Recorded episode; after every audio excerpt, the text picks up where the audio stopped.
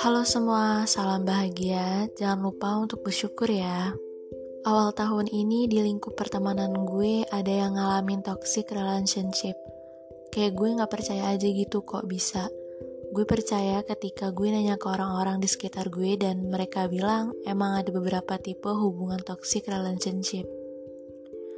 Mulai dari cara memperlakukan sampai cara menyikapi hubungannya. Jadi ini ada requestan, dia cerita tentang suatu hubungan, tapi gue pikir ini kayak toxic relationship, karena mereka nggak bisa lebih menyayangi diri sendiri dibanding hubungan itu. Jadi kayak pihak satu udah merasa lelah, yang satunya masih bertahan. By the way, pihak satunya ini cowok dan yang mau tetap bertahan ini si cewek. Cowoknya bilang kalau ada dia itu merasa terkekang karena diposesifin sama ceweknya yang berlebihan. Kayak bener-bener ceweknya gak mau kehilangan. Jadi seluruh kegiatan cowoknya itu diawasi. Kalau dipikir-pikir nih, menurut gue kayak kurang percaya gitu sama cowoknya.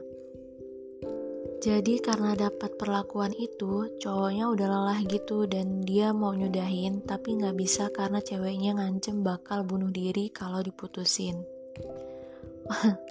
Ribet banget gak tuh? Jadi kayak cowoknya bingung harus gimana. Dia capek tapi di sisi lain dia nggak mau ceweknya kenapa-kenapa. Gue nggak tahu sih kalau di real relationship mereka itu kayak gimana. Tapi it's my opinion. Kalau yang toxic itu hmm, ceweknya mungkin cowok bisa aja gitu pergi cari yang lain.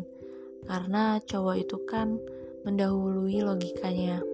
Tapi kalau ceweknya yang toxic si cewek tetap bertahan karena dia pakai perasaan. Dia mikir si cowok bakal berubah and then ya udah gitu.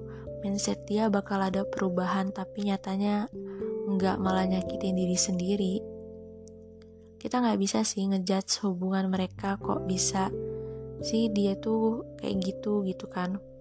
Kok bisa uh, perlakuan kita tuh berlebihan seperti itu. Ya karena tiap hubungan punya cara tersendiri untuk bertahan. Mungkin untuk menyadari suatu hubungan toksik apa enggak itu lama dan itu yang ngebuat kita kayak terjebak dan terdesak Menurut psikologi ada beberapa hal yang harus kita lakuin untuk keluar dari hubungan itu. Kayak kita harus jujur tentang perasaan yang udah gak nyaman. Dan mungkin cara ini penuh dengan emosional kalau misal takut terjadi apa-apa ketika kita ungkapinya secara langsung. Dan yang cara lain bisa kita lakuin adalah dengan menulis surat. Ya agar aman. Karena daripada lo ngetik pesan panjang-panjang kayak lebih baik lo nulis surat aja deh. Karena nulis surat itu lebih dapat aja gitu feelnya. And then hal yang selanjutnya pahami kalau ini bukan sepenuhnya salah lo. Terus lo bisa minta dukungan sama keluarga atau sahabat lo. Ya lo terbuka lah sama temen deket lo dan orang-orang kepercayaan lo lo harus menyadari bahwa lo pantas mendapatkan yang lebih baik dari dia. Setelah benar-benar berakhir, ya lo bisa nih siapin rencana apa ya, mandiri gitu kan, kayak me time, healing, ya menyibukkan diri dengan hal-hal positif dan kalau emang ada hal yang masih buat lo nggak nyaman, kayak masih ada apa ya kenangan momen dengan dia dan lo nggak bisa ngelupain, itu hal wajar sih pelan-pelan. Itu pasti bakal bisa. Dan lu bisa juga ngapus foto-fotonya. Uh, terus itu lo hapus kontaknya media sosialnya. Dan satu hal setelah itu semua lu berhak buat nenangi diri lu.